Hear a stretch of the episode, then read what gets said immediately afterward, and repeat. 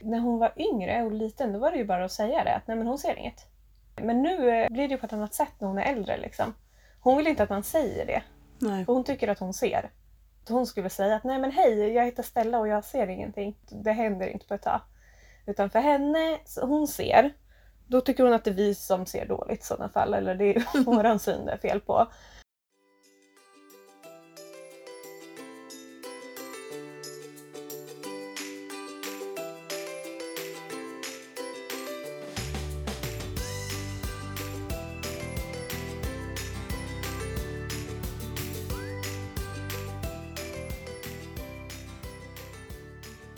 Du lyssnar på Nordlyckans podd avsnitt 39. Och nu finns första avsnittet med funkisfakta på Nordlyckans sida på Patreon. Ett avsnitt som handlar om vad AKK är, alltså alternativ och kompletterande kommunikation. Och det är Kristina som berättar, som är en engagerad logoped som brinner för de här frågorna. Så registrera dig på www.patreon.com nordlyckan för att kunna lyssna. Och nu är det dags att presentera veckans gäst. Välkommen Emma Krygel! Tack snälla!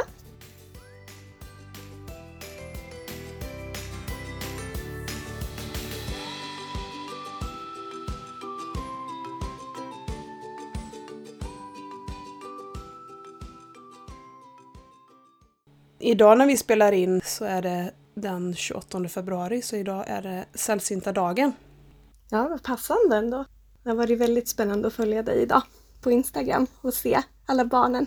Det har varit en intensiv dag på Instagram. Det är Ja, det jag.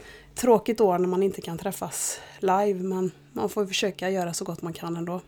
Ja, men absolut. Har ni träffats live tidigare år eller? Nej, men jag vet att om, vad heter han, heter han sällsynta diagnoser, att de hade något i Nordstan förra året. Okej. Men vi var inte där, men eh, jag vet Nej. att de hade. Men nu har de nog haft något digitalt event idag tror jag, men jag har inte hunnit titta. Men man kan Nej, nog titta i det. efterhand så ser man kanske tittar imorgon eller så istället. Ja, det var jättespännande och roligt i alla fall att få följa. Ja, det känns ändå som det har exploderat intresset från förra året.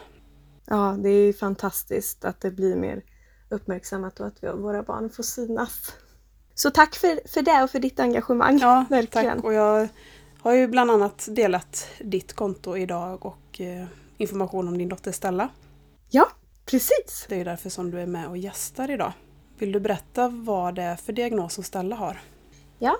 Stella har en diagnos som heter Lebers kongenitala amauros. Det ordet uttalar vi typ aldrig för att vi behöver nästan aldrig säga det. Vi, det brukar förkortas LCA. Ett väldigt långt och krångligt ord, så krångligt namn. Det är en ärftlig näthinnesjukdom. Hon har ju ärvt den av mig och hennes pappa Anton. Vi är friska bärare av den här sjukdomen. Vilket vi då inte visste förrän Stella fick sin diagnos och vi har gjort en genetisk utredning som vi ganska nyligen fick svar på. Så att det har varit en lång resa. Stella fyller sex år i maj och har varit gravt synskadad eller blind sedan hon föddes. Det var lite svårt att veta exakt hur mycket hon såg när hon var liten. Framförallt så ställde jag vårt första barn så att vi hade inga andra referenser liksom utan det var vi tyckte att hon var fullt normal så för oss. Men eh, idag så använder hon sig av sina andra sinnen. Och det går bra. Det är en hel del utmaningar som hon stöter på och vi också. Men eh, jag tycker att det går bra. Hade du kommit i kontakt med synnedsättningar tidigare i ditt liv? Nej, det här var liksom första gången som vi fick uppleva synnedsättning eller grav synnedsättning framförallt på nära håll. Så vi visste ju ingenting. Alltså när vi fick veta det här så var Stella bara två, tre veckor gammal. Alltså graviditeten och förlossningen och allting gick jättebra. Men när Stella var två, tre veckor så var vi på BVC på en vanlig kontroll. Och det som var avvikande var att hon hade väldigt liksom, snabba ögonrörelser. Alltså de for till höger och vänster. Såklart så hade väl vi sett det också, men det var ju, man slog sig ifrån sig det ganska rejält. Så. Jag tror att hon var strax över tre veckor när de gjorde den här första läkarkontrollen som de gör där mellan tre veckor och en månad ungefär. Då såg ju läkaren det här för första gången. Det var ju första gången hon träffade Stella. Och liksom, men gud, vad, vad är det som händer? Varför gör hon så här?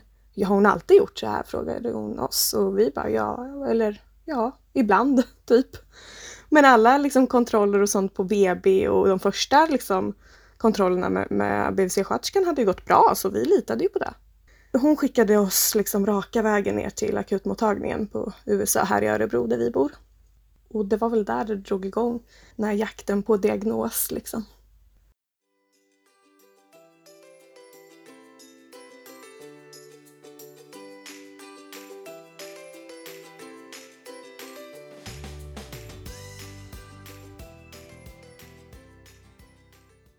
Jag tror att vi vart inlagda på barnavdelningen på USA och fick träffa en neurolog. De gjorde ultraljud på hjärnan för att se om de kunde upptäcka någonting som låg och tryckte och störde för att det var väl det första vi fick höra när vi kom ner och det som läkaren på BVC säkert liksom oroade sig för att det var någonting som tryckte mot, mot syncentrat och gjorde så att ögonrörelserna var väldigt liksom kraftiga så.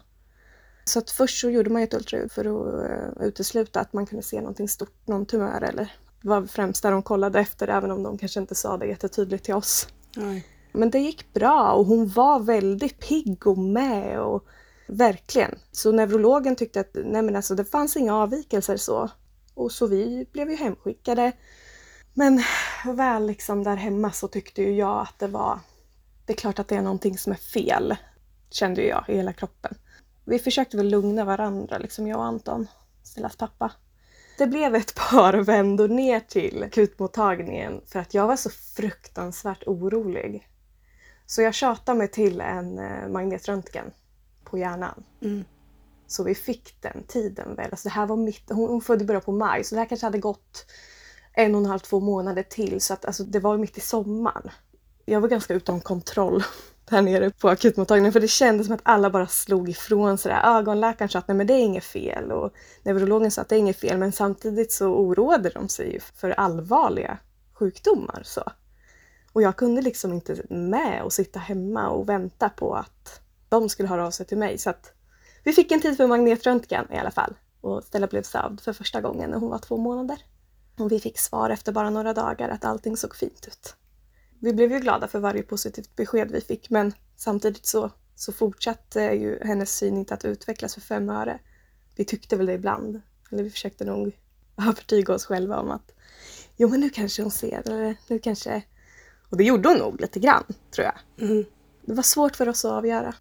Vid det laget så tyckte vi nog att men nu borde så att allting gick ju väldigt fort och det var nog mest för att jag jag var så himla orolig och jag drev på det här nog fruktansvärt. De kände igen mig liksom när jag kom dit för att, men jag kunde inte sitta hemma. Jag var bara tvungen att göra liksom allt som jag kunde för att, jag var livrädd för att vi skulle glömmas bort Mm. och att det skulle vara någonting och att det i slutändan skulle vara, vara mitt fel, att jag skulle liksom, att jag skulle känna skuld. Efter det så var det två månader och vi fick eh, positiva besked liksom ifrån neurologen och ögonläkaren sa väl det att men det kan ju vara en försenad synutveckling så. Men eh, när hon var tre månader sedan så var vi tillbaka hos ögonläkaren och vi var superpositiva. Vi bara, nej men det här kommer lösa sig. Våran stora skräck var ju att det skulle vara någonting avvikande. Det var ju inte alls vad man hade föreställt sig. Alltså jag bara vägrar inse att det skulle vara så. Men vi hade ett återbesök när hon var tre månader. Då träffade vi en jätteduktig ögonläkare som vi då tyckte var jättedum. Och vi tänkte så här, hur, hur kan hon säga så här? Men idag vet vi att hon är jätteskicklig och jättebra liksom. Hon sa nej men jag, jag, jag vet vad det kan, jag vet vad det är, jag vet vad det kan vara. Hon lät så säker på sin sak. Hon sa att problemet är att man kan inte ge, man kan inte ge ett barn den här diagnosen förrän man är, barnet är sex månader. Det är först då man kan göra en, en typ av undersökning som krävs för att säkerställa diagnosen. Så. Alltså vi var helt förstörda. För att då berättade ju hon om den här diagnosen. Hon var så pass säker att hon vågade liksom säga det innan vi hade varit i Lund, som vi skulle åka till då tre månader senare. Och vi var så jätteledsna såklart, för att det här var ju liksom ett... Vi bara, men vad, vad kan man göra åt det här då? Och när kommer hon kunna se då? Men det svaret vi fick var ju att nej, det här kan man inte göra någonting åt. Och jag, alltså jag minns känslan i rummet där alltså, gud, det var fruktansvärt. För att vi visste ju ingenting mer än så. Kommer det komma någonting mer till det här eller? Det var bara så rörigt. Sa hon redan då hur grav synnedsättning hon trodde Stella hade? Ja, hon sa att det är svårt att liksom avgöra nu men uppenbarligen så var det ju, hade hon ju extremt lite synrester liksom kvar då. För att hon reagerade ju knappt på saker. På ljus, det har hon alltid reagerat. Men liksom ingenting sådär som man höll framför. Men den här sjukdomen gör ju också att även om man har syn när man föds. Jag är ingen jätteexpert så jag är lite rädd för att uttala mig men man tappar ju synen så småningom. Det har någonting med proteiner att göra i eh, de vissa gener så att de kan inte bygga upp näthinnan igen utan näthinnans funktion blir förstörd. Näthinnan skickar inga signaler upp till hjärnan. Men istället fall i, i de här eh, fallen när de är så pass, när den här sjukdomen utvecklar sig så pass tidigt så har barnen nästan, alltså jag kan nästan säga att jag tror Stella inte såg någonting från början. Nej. Hon hade väldigt, väldigt grav synnedsättning. Jag har aldrig upplevt att hon har, har gått miss, alltså att, hon, att hennes syn har försämrats allt eftersom. Det har aldrig märkts på henne. Hon har inget begrepp om syn liksom. Hon vet inte vad det är. Nej, just det. Om vi frågar så här, ser du det här? Alltså det är jättekonstigt för henne för hon kan ju bara, ja det gör jag. Mm. För att hon ser ju det på sitt sätt. Ja, precis. Hon använder sina andra sinnen för att förstå Mm, sin omgivning. precis. Mm. Men den här diagnosen, kan det komma andra funktionsnedsättningar i kombination med synnedsättning? Nej, alltså inte just den här typen som Stella har. Nej. Vi åkte ner till Lund i när hon var sex månader för att få den här diagnosen som vi redan visste att hon hade fastän vi hade ett litet hopp om att det kanske inte skulle vara så ändå. Men vi åkte ner dit. Det var en ganska lång bilresa med en halvårs bebis men eh, hon sövdes när vi kom ner. Då gjorde man en sån ERG-undersökning, alltså man, man söver barnet och sen så på något sätt så, kop- alltså, så kan man se vad för signaler som näthinnan skickar upp till hjärnan. Alltså vad reagerar barnet på och inte. Mm. Och utifrån där kan man ställa den här diagnosen sen med hjälp av blodprov och eh, en genetisk utredning som liksom komplement. Men eh, efter den här undersökningen så kunde ju den här eh, läkaren säga till oss direkt att det var den här diagnosen. Den är lätt att förväxla med andra diagnoser där det kan komma till andra funktionsnedsättningar så. Men att det inte var så i Stellas fall. Utan att det var synen som var påverkad. Och hur kändes det då när hon var sex månader och ni fick det bekräftat att det var den här diagnosen hon hade? Jag minns inte att jag har varit ledsen efter det, faktiskt. Det kändes som att vi äntligen, alltså bara vi visste, så var det ju egentligen inga problem. Jag kände nog ganska tidigt att det kommer att gå bra, bara vi får ha henne kvar. Vi hade ju gått igenom undersökningar för andra allvarliga sjukdomar. Så när han väl sa det här så kändes ju det bra. Konstigt nog. Vi var aldrig ledsna efter det. Vi åkte hem till Örebro och jag vet att på vägen hem så skrev jag ett inlägg till min Facebook. Där jag liksom eh, skrev väldigt långt vad Stella har fått för diagnos och vad den innebär och hur vi tillsammans ska liksom bemöta Stella på bästa sätt och att vi vet mer nu om hennes förutsättningar och man kan säga lite om hur framtiden kommer att se ut. Men att vi får ta det liksom i Stellas takt. Men det var väldigt befriande. Framförallt att få ge svar till alla som, som har undrat. För det var ju jättejobbigt liksom. Vi fick ju, och det är ju såklart av ren omtanke. Men det var svårt att, svara på frågor när vi själva inte hade någon aning. Men nu visste vi ju lite mer. Vi visste att hon reagerar på ljus och mörker och vissa, vissa starka färger. Den lilla synen i sådana fall är ingenting som hon har haft nytta av. Hon har valt bort det. Så upplever jag det. Att hon, hon har valt bort det och hon väljer sina andra sinnen. De är ju mycket starkare liksom. Mm. Jag upplever inte att hon använder synen idag. Det var så otroligt skönt. Jag kommer ihåg, det var nog i slutet på veckan. Vi kom nog hem en torsdag, fredag så från Lund. Och jag kommer ihåg att på måndagen då Då gick jag till öppna förskolan liksom med Stella och kände bara att nu har jag ju möjlighet att göra allt jag kan för att det ska bli så bra som möjligt för henne. Jag kände mig inte rädd längre för att hon, att hon skulle vara tas ifrån oss på något sätt utan nu, var det ju, nu handlade det ju mer om att kompensera för det sinnet som hon inte hade eller har.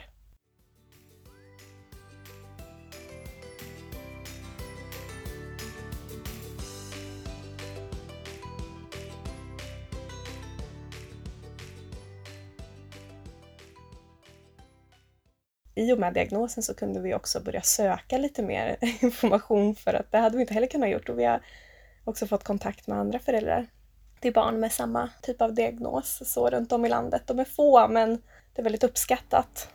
Och finns det någon, det finns säkert någon förening för synskadade? Ja, vi är ju med i Synskadades riksförbund och har varit på lite föräldrakurser och sånt där, jag och Anton.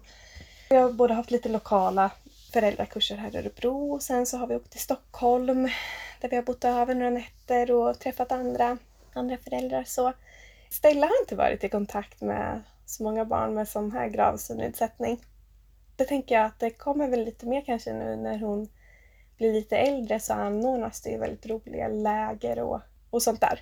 Där hon kommer kunna träffa andra barn med, med liknande diagnoser. Så. Vi skulle ha åkt iväg nu till, till Åre på en skidresa i april med den här föreningen. Men nu ska vi ha en liten bebis i maj. Så att vi fick tyvärr avboka det. Jag vet inte om den kommer bli av. Men hon är fortfarande, hon är fortfarande ganska liten sådär så att vi ser ändå att det finns så många år framför oss när man kan hitta på roliga saker och när hon kan knyta fler kontakter själv också. Men vi försöker hålla oss uppdaterade och ha kontakt med andra föräldrar. Utbyta erfarenheter och tips och, och sådär. De har en jättebra Facebook-sida också där man kan skriva. Fråga om tips på julklappar eller presenter eller vad det nu än kan vara. Och när ni har gått eh, föräldrakurser där, vad är det för kurser? Främst så har vi gått eh, punktskriftskurser. För att det är ju det, på det sättet som Stella kommer och kan redan nu skriva. Det hon kommer att använda sig av. Och det, det är ju mycket sådana här saker runt omkring som man inte riktigt räknar med att man kommer behöva lära sig. Nej, det blir helt nytt för er också. Ah, verkligen! Först så tänkte att det här kommer aldrig att gå. Men det är ju det är en förutsättning. Vi måste ju ligga steget före liksom. För att vi ska kunna hjälpa, ställa och stötta med, med läxor framöver och jag kan bara tänka mig allt liksom så. Och vi vill ju vara en stor del av det här också. Vi kämpar på med det, det är Nej. inte lätt. Men när man skriver punktskrift, har man någon form av skrivmaskin eller hur funkar det? Ja precis, vi har en skrivmaskin hemma har vi. Den ser ut som om den är liksom från, alltså way back in time. Alltså den är väldigt, den är väldigt omodern. Och den låter fruktansvärt högt när man trycker på den. Och man måste ta i så in i bängen för att eh, liksom den är så trög. Så det är svårt för Stella tycker jag att använda den. Mm. Vi har ju såklart undersökt alla möjliga vägar för att få någonting lättare, men det är den som finns. Så vi kämpar på med den och det, det liksom viktigaste är ju att hon lär sig fingersättningen, att vilka fingrar ska trycka ner för att det ska bli rätt bokstav. Ja, och att överhuvudtaget få ett intresse för punktskriften. Mm. För att det har inte varit, hon har typ sagt så här, nej men ta bort det här taggiga pappret. Mm. det vill inte jag, hon tycker det är obehagligt. Hon är ju ganska känslig så i fingrarna men nu hon, det senaste året har det gått framåt. Då har hon fått ett intresse och förstått att det är det här hon kommer att få använda sig av för att hon har varit ganska intresserad av bokstäver och ord länge. Men då har det varit liksom vanliga bokstäver, så svartskrift som det liksom kallas för vanlig skrift. Så om vi har haft liksom bokstäver som magneter typ man sätter på kylskåpet. Mm. Så hon var ju väldigt intresserad av, ja men det här är ett A. Men det kommer ju inte att hjälpa henne jättemycket. Det är klart att det är, all, det är ju jättebra att hon vet det. Men vi har verkligen försökt att introducera punktskriften den kommer ju hon ha stor nytta av. Men det är svårt. Det är krångligt. Anton, Stellas pappa, är ett riktigt läshuvud. Så att han kan ju det där redan och det är skönt. För att jag, jag kämpar ju på. Men jag tycker det är svårt. Men det blir väl lite så. Man tar lite olika uppgifter för det är ju mycket när man får ett barn liksom med en, någon typ av funktionsnedsättning eller funktionsvariation. Alltså det, det är mycket runt omkring som man inte är beredd på man behöver stå i som förälder. Liksom. Mm. en sån här grej till exempel är jag väldigt tacksam att, att där kliver han in och tar Ja. över. Jag har ju varit hemma med barnen ganska mycket och det har väl varit så att jag har tagit de flesta habiliteringsbesöken och läkarbesöken och alla samtal med Försäkringskassan och förskolan och resurs och så vidare. Mm. Det är roligt att man hittar olika saker så vi kan hjälpas åt och ro runt det här liksom. Det ska bli så bra som möjligt. Och har ni andra, eller har Stella andra hjälpmedel förutom den här punktskriftsmaskinen? Ja, hon har en käpp, en gåkäpp, en vit sån här vanlig käpp som man kan se. Det är väl det främsta liksom sådär att när jag tänker en person som är blind så tänker jag ofta på den här vita käppen. Och därför var den livsfarlig för mig först.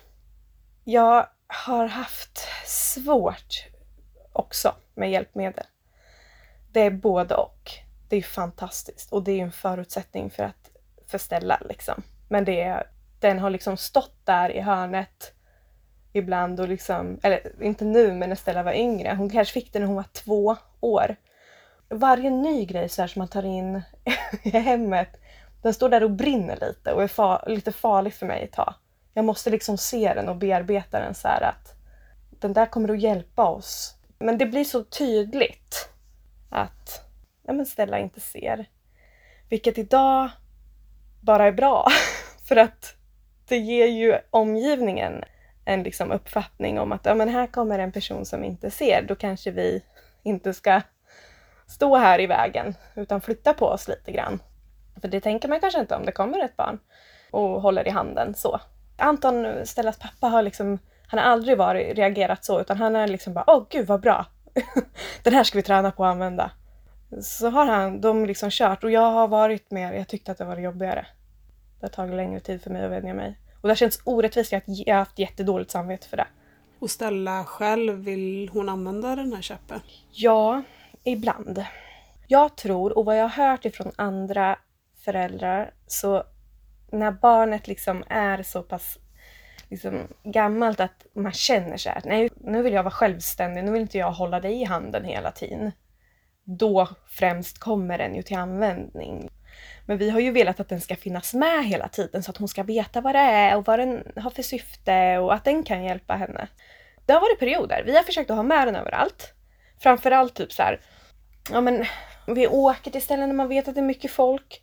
Och även om inte hon vill ha den så kan ju jag ha den för att då kanske folk får en uppfattning om att eh, det kommer en person som är blind. Jag upplever att hon var ganska liten, att hon... Det är så mycket intryck runt omkring ändå när man är iväg sådär. Så att hon eh, är ganska upptagen med att lyssna och känna och så. Så att den har varit lite i vägen för henne. Mm. Vad ligger i hårdträning? Då och då. Hon eh, är väldigt envis. Man får ta det lite efter dagsform när hon själv känner för det. Men eh, mer och mer. Och den är ju, det är ju fantastiskt. Lillebror Melker har också en käpp. Han tjatat till sig från habiliteringen. Ja. Eh, jag har en käpp. Så att allt för att liksom Stella såklart ska vilja använda sin käpp. Mm. Så, så det ser lite roligt ut när Melker kommer att gå med sin käpp faktiskt. Han ser ju.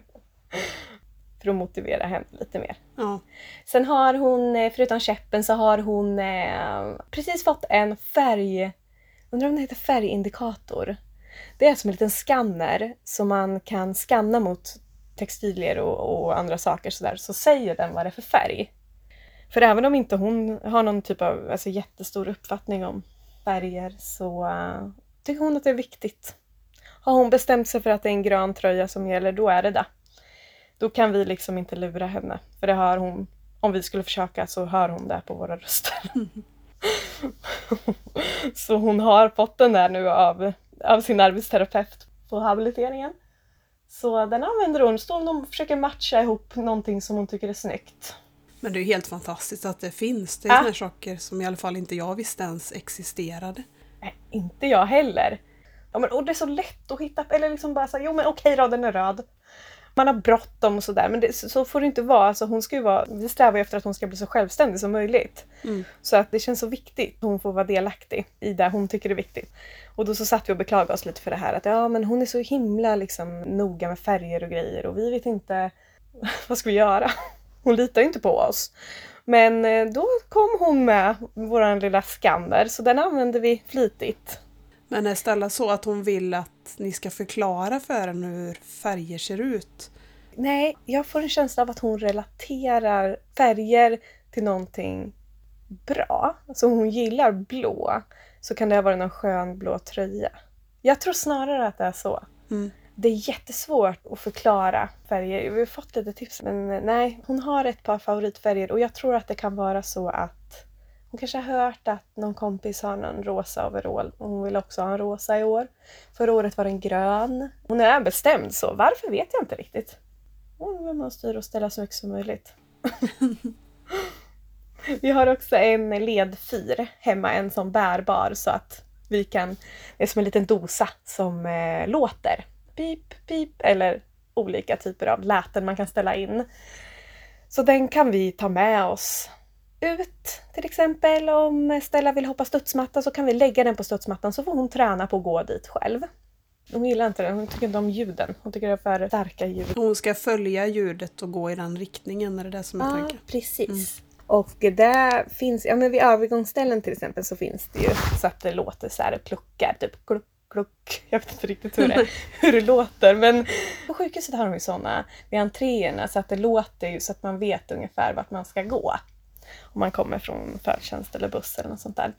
Kan man ofta höra det här ljudet eller på Stellas habilitering på syncentralen så har de också sån ljud vid entrén så att tanken är väl att hon ska lära sig liksom att följa de här ljuden. Så vi tränar lite på det hemma.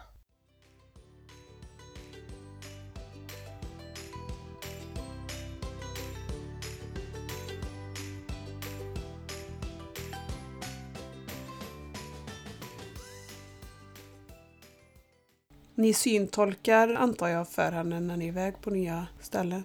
Finns det något Ja. speciellt system för hur man ska syntolka eller? I början syntolkade vi allt. Mm. Alltså allt. Man vill ju göra det så bra som möjligt men det blir ju liksom alldeles för mycket information. Såklart. Så att med åren har väl vi lärt oss att eh, välja ut den informationen som är viktig för Stella. Om man till exempel kommer till ett kalas så brukar hon vilja veta vilka som är där. Om vi är vid en lekpark, en ny lekpark kanske, så vill hon veta vad som finns att välja på och göra. Eller om det är fika någonstans så vill hon veta vad, som, vad det finns att välja på där också. En snabb överblick. Nu är vi i en gympasal, eller nu är vi i ett stort rum. Det är ganska många människor här.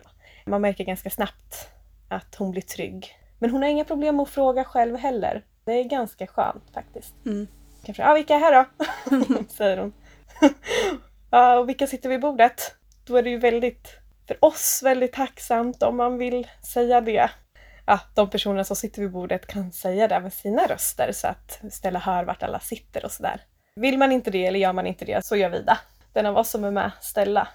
Men det viktigaste för oss och för Stella har väl varit att när folk kommer fram till oss eller till henne och pratar att man säger snabbt bara vem man är. Mm. Och det tycker jag att många i vår omgivning som gör det nu, det är jättetacksamt. Det räcker ju bara med ja men hej det är liksom. Och då får hon en snabb uppfattning. Okej det är den härs mamma.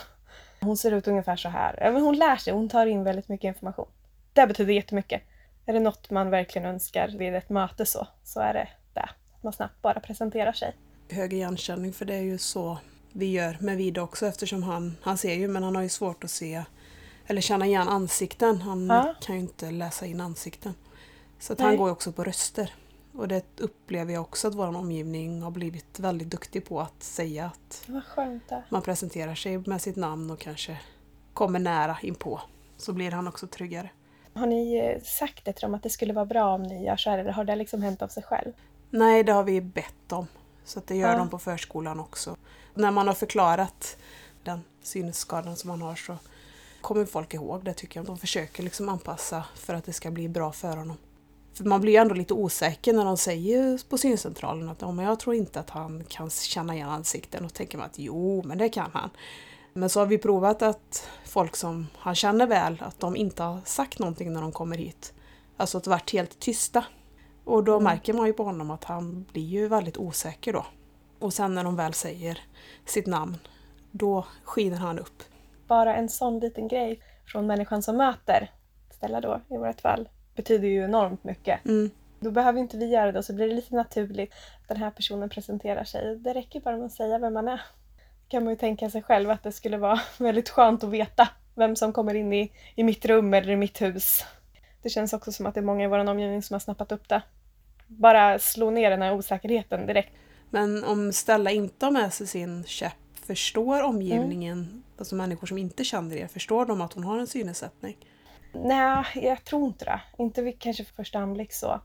Sen så gör Stella, och har gjort framförallt, rörelser med armarna som att ja, men stimma lite, liksom att hon rör armarna upp och ner. Väldigt hastiga rörelser.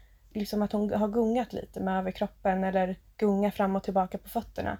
Hon rör kroppen på så sätt då och då och framförallt när hon var mindre. Och det hör ju till diagnosen. Det vet jag att de barnen som har den här diagnosen, de gör så. Jag tror det försvinner så småningom. Men eh, framförallt när hon var liten så tyckte jag att det var så jobbigt att då tyckte jag att det kändes som att folk undrar liksom vad, varför gör hon sådär? Man förstod att de ser att det är någonting. Men man kan inte riktigt, man kan inte se direkt att hon inte ser. Därför tycker jag att det är så skönt. Nu vet ju de flesta. Men är man, eller de i vår omgivning och på förskolan och sådär, men är man någonstans där man inte är vanligtvis så, så är det ganska skönt att ha med den käppen för att då förstår man direkt att ja men okej, det är någonting med synen. Skönt, liksom. Då Mm. vet vi ungefär. Hon har ju rörelser som är på ett visst sätt. Går lite stelare kanske, eller framförallt har gjort. Det börjar väl också bli på ett annorlunda sätt nu, men tror att man har sett ganska tydligt att det är någonting. Jag har upplevt det så i alla fall. Mm. Att det är någonting men kanske inte exakt vad. Nej, precis. Man pratar ju ofta om att NPF-diagnoser är osynliga funktionsnedsättningar. Mm. Men när jag tänker på Vide så är ju hans autism är ju väldigt framträdande eftersom han har mycket stereotypa rörelser till exempel och ljud för sig. Så att hos honom är ju det absolut synnedsättningen som är det mest dolda. Ja. Det förstår ju inte människor runt omkring hur dåligt han ser. Nej, men det, för det är klurigt. Det tycker jag också att det är. Och när hon var yngre och liten, då var det ju bara att säga det. Att nej, men hon ser inget. Men nu eh, blir det ju på ett annat sätt när hon är äldre. Liksom. Hon vill inte att man säger det. Nej. För hon tycker att hon ser. Hon skulle säga att nej men hej, jag heter Stella och jag ser ingenting. Det händer inte på ett tag. Utan för henne, hon ser. Då tycker hon att det är vi som ser dåligt i sådana fall. Eller det är våran syn det är fel på. Nu för ju inte vi talan på samma sätt. Vi är väldigt måna och pratar väldigt mycket med henne. Liksom att hur vill du att vi berättar det här? Eller hur... Hon ska börja förskoleklass nu till exempel. Och hur, hur vill du att de nya kompisarna får veta att du inte ser? Och det är klart att hon är medveten om att hon inte ser. Det är bara det att hon inte vill prata om det. Nej, man kanske får hitta ett annat sätt att uttrycka det på. Ja, precis. Hon vill inte använda blind. Att hon inte ser, det kan hon nog. Ja, men okej. Framförallt så fokuserar ju vi på att hon, hon använder sig av känseln och hörseln. Det märks så tydligt på henne att hon vill fokusera på det hon kan. Och det är klart att vi ska göra det. Mm. Men ibland för att folk ska få en snabb uppfattning och veta hur de ska bete sig så kan det vara ganska skönt att bara fräsa ur sig det. Att ja men hon är blind så om du aktar på det lite så Mm. kanske det kan gå bra. Och hon påverkas av det. Det gör hon. Mm. Hon har ju blivit lite äldre nu och liksom fått en större medvetenhet så att jag tänker att det här landar väl hos henne också. Och när hon börjar förskoleklass kommer hon ha en resurs även där. Ja, det kommer hon. Hon har ju resurs nu på förskolan hela tiden när hon är där.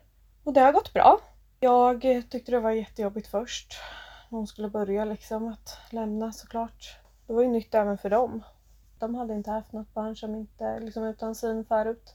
Men jag tycker att det har gått bra. Vi har samarbetat väldigt bra med förskolan.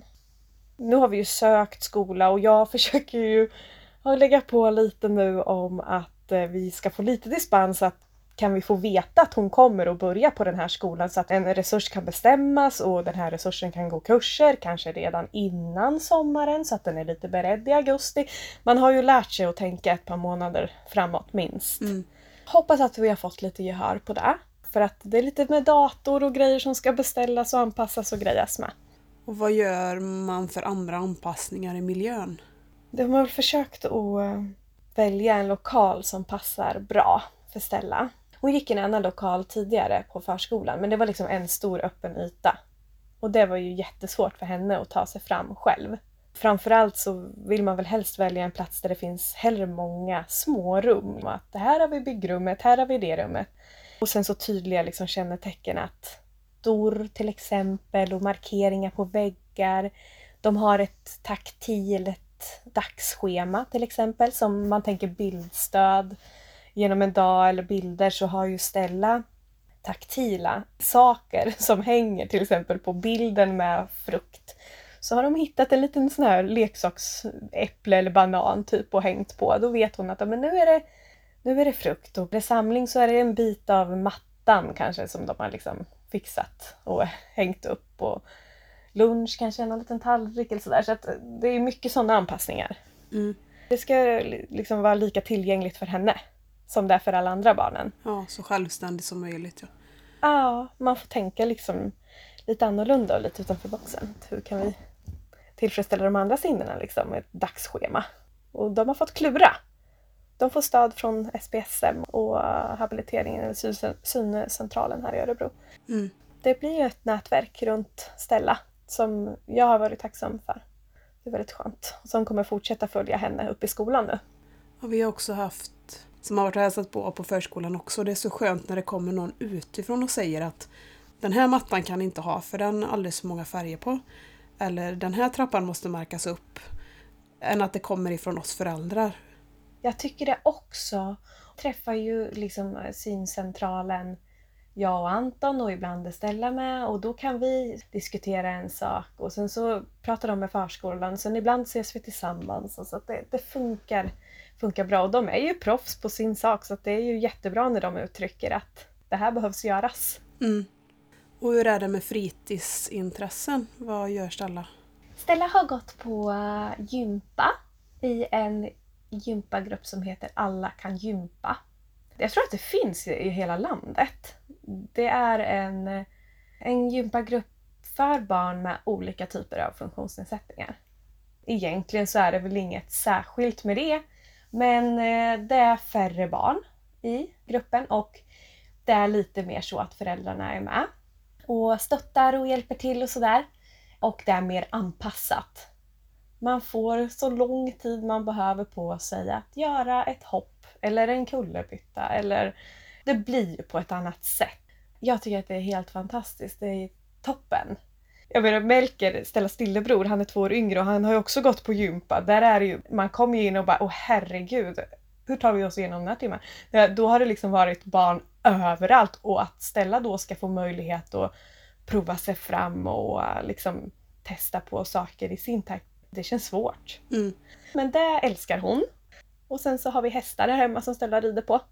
Två små ponnysar som bor här hemma på våran gård. Försöker komma ut någon dag i veckan annars så är hon, hon är med på det mesta som vi gör. Det var väl min, här, i början när vi fick veta om Stella att ja men då kommer vi kanske inte kunna göra det och så kommer vi kanske inte kunna göra det. Och det var, jag hade väldigt mycket fokus på det där. När man var i chock och sorg och så. Men eh, jag tycker inte att det har varit... Vi har kunnat gjort det mesta tillsammans med Stella. Mm. Åka skidor och resa bara hon får liksom tid på sig att man ger henne rättvisa. Att man inte är för snabb fram. Och att hon får känna på grejerna, på utrustningar och material och underlag och allt vad det är. För att hon ska känna sig trygg. Ibland är man lite forcerad som förälder tycker jag. Eller vi är. Men det gäller att liksom bara, nej nu backar vi bandet.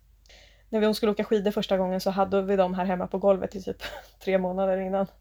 För att hon skulle få känna på de här hårda pjäxorna och spännerna som man får ganska mycket gratis när man ser. Mm. Alltså vi ser ju de här grejerna hela tiden. Vi får ju så himla mycket visuella intryck. Allt sånt där försöker ju vi ge henne så gott som det går på andra sätt.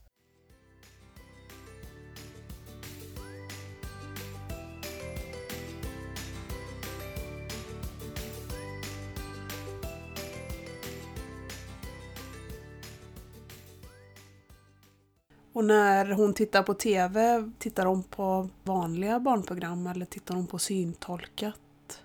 Men hon tycker inte så mycket om syntolkat, det tycker det är tråkigt. Det finns många bra filmer med syntolkning men hon tycker att de stör lite. Hon är ganska rolig. Hon säger typ så här men kan du stänga av den där gubben som tjatar? Men ibland har vi varit envisa som till exempel med julkalendern. Förra årets julkalender, den var väldigt rolig tyckte hon. Men då har vi haft syntolkar för vi tycker liksom ändå att men, vi måste vänja oss vid det allihopa. Stella tycker det är kul med filmer och program där det är mycket beskrivande. Typ på Youtube när de håller på med lera, med här Lek med oss, Babblarna eller Pippi gör tårta i Play-Doh-lera i typ tusen olika versioner. Sånt gillar hon för de beskriver färger och de beskriver former. Så allt som är beskrivande, det tycker hon om att titta på. Mm. Då får hon en uppfattning om, om ungefär vad som spelas upp på TVn. Jag brukar lyckas slå på syntolkning på Bäst i test för det kommer efter något ah. annat program vi tittar på. När man inte är van att lyssna på syntolkning så de säger ju precis som det är, inte det artigaste kanske att säga. Precis. Stellas bror tycker att det är jättekul att lyssna på. Men Stella tyckte att det, ja, men då måste vi börja se någonting från början. Så att men nu är det den här rösten som kommer att prata nu i många avsnitt. Nu får vi lyssna på så vi får en uppfattning om, om det här. Mm. Det är det här med TV, liksom. ska man kolla med kompisar, eh, om vi har eh, gäster, så barn pratar ju, för de ser ju ändå TVn liksom. Mm. Så att då kan man ju prata samtidigt och smälla med skålen, ja men liksom hålla på. Men för Stella är det ju liksom hundra, alltså det, det måste ju krävas tystnad för att hon ska få ut någonting av att kolla på TV. Så att det kanske inte är hennes favoritaktivitet alla dagar. Nej, så hon nog bort det lite om det inte passar bra för henne. Hon är ju vårt första barn. När vi fick vårt andra barn så tyckte ju vi att varför glor han så mycket på oss? Eller liksom hon är så normal för oss. Vi vet ju ingenting annat vi är ju jättenärvarande som föräldrar för att vi måste. Och det eh, har inte påverkat oss negativt. Visst, Stella är självständigare hemma och så. Det är hon ju. Men vi måste ju vara med på ett helt annat sätt. Vi kan inte gå från studsmattan om hon är där så kan inte vi bara sätta oss långt borta för tänk om hon blir kissnödig eller vad som helst. Liksom. Vi vill ju finnas där för henne. Den här eh, sjukdomen har vi fått veta nu, den är ju ärftlig. Det har ju varit också någonting som vi måste ställa liksom oss frågan om eftersom att vi vill ha fler barn. Eller inte efter det här barnet tror jag. Men eh, det har varit många uppförs och nedförsbackar och det har varit många breakdowns men aldrig för att jag har varit ledsen för Stella och för hennes diagnos utan det är ju omgivningen som är totalt oanpassad många stunder att man blir galen. Det känner jag, det är det som är tufft. Det är inte alltid tillgängligt för alla. Och vet ni vilken risk är det som för oss att det är 25 procent eller har ni fått någon sån procentsats? Ja, det är så att vi har 25 procents risk att få ett barn med den här diagnosen. Med Melker, när han låg i magen, så visste inte vi det. Nej. Så att vi funderade aldrig på det då. Sen vart ju han allvarligt sjuk själv.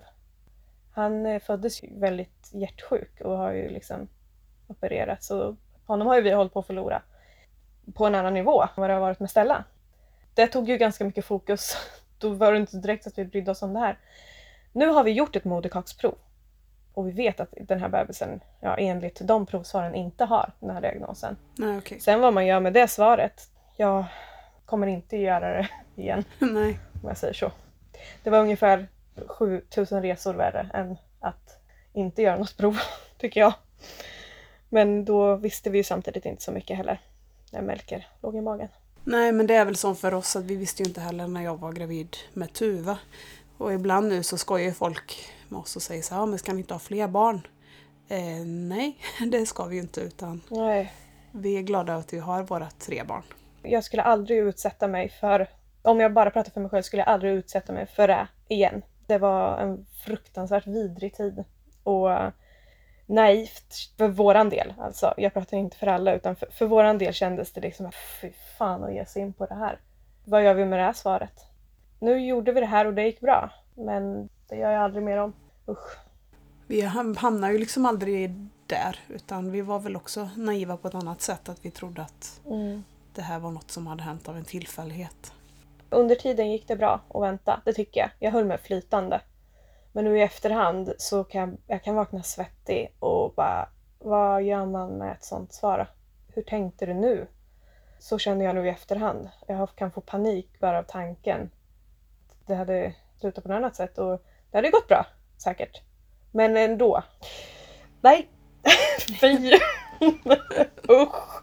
Det var hemskt, tycker jag. Ja, Nu väntar vi i alla fall en liten lillebror i maj. Och eh, som sagt så fick vi ju Melker. Han var ju frisk från den här diagnosen och fick ju ett hjärtfel. Så att vi vet ju att det finns inga garantier men man får ju vara glad så länge allt är bra, tänker jag.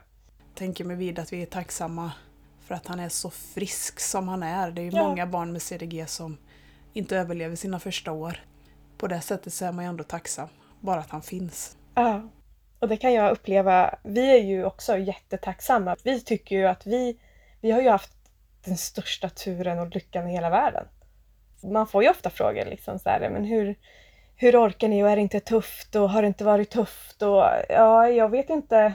Ja, det har det väl varit från och till men jag vet inte fasen om det hade varit så mycket enklare annars.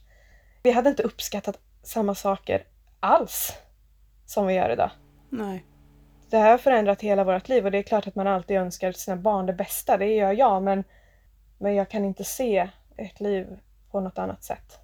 Där andra tycker att vi har haft otur, tycker nog jag att vi ändå har haft tur.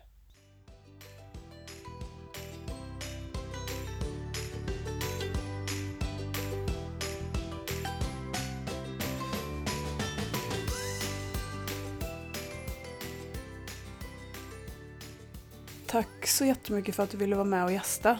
Det har varit eh, superfint att ha dig med. Tack för att jag fick möjligheten att, att, berätta lite om Stella. Förhoppningsvis sprida lite kunskap och om det finns andra föräldrar i den situationen som vi var i för snart sex år och när man sökte desperat efter svar så hoppas jag att man kan ge, ge lite svar. Men tack snälla Emma för att Ja, jag fick vara med. tack. Ha det bra. Ha det bra! Hej då. hej! hej. Och Emma hittar du på Instagram där hon heter emma.krugel med U. Och Nordlyckan finns också på Instagram. Jag har också en mailadress som du kan nå mig på. emma nordlyckan.com Och missa inte första avsnittet med Funkisfakta på Nordlyckans sida på Patreon. Vad är AKK? Nästa vecka är jag och Victoria tillbaka. Och då ska vi se om vi kan pressa fram några obekväma åsikter.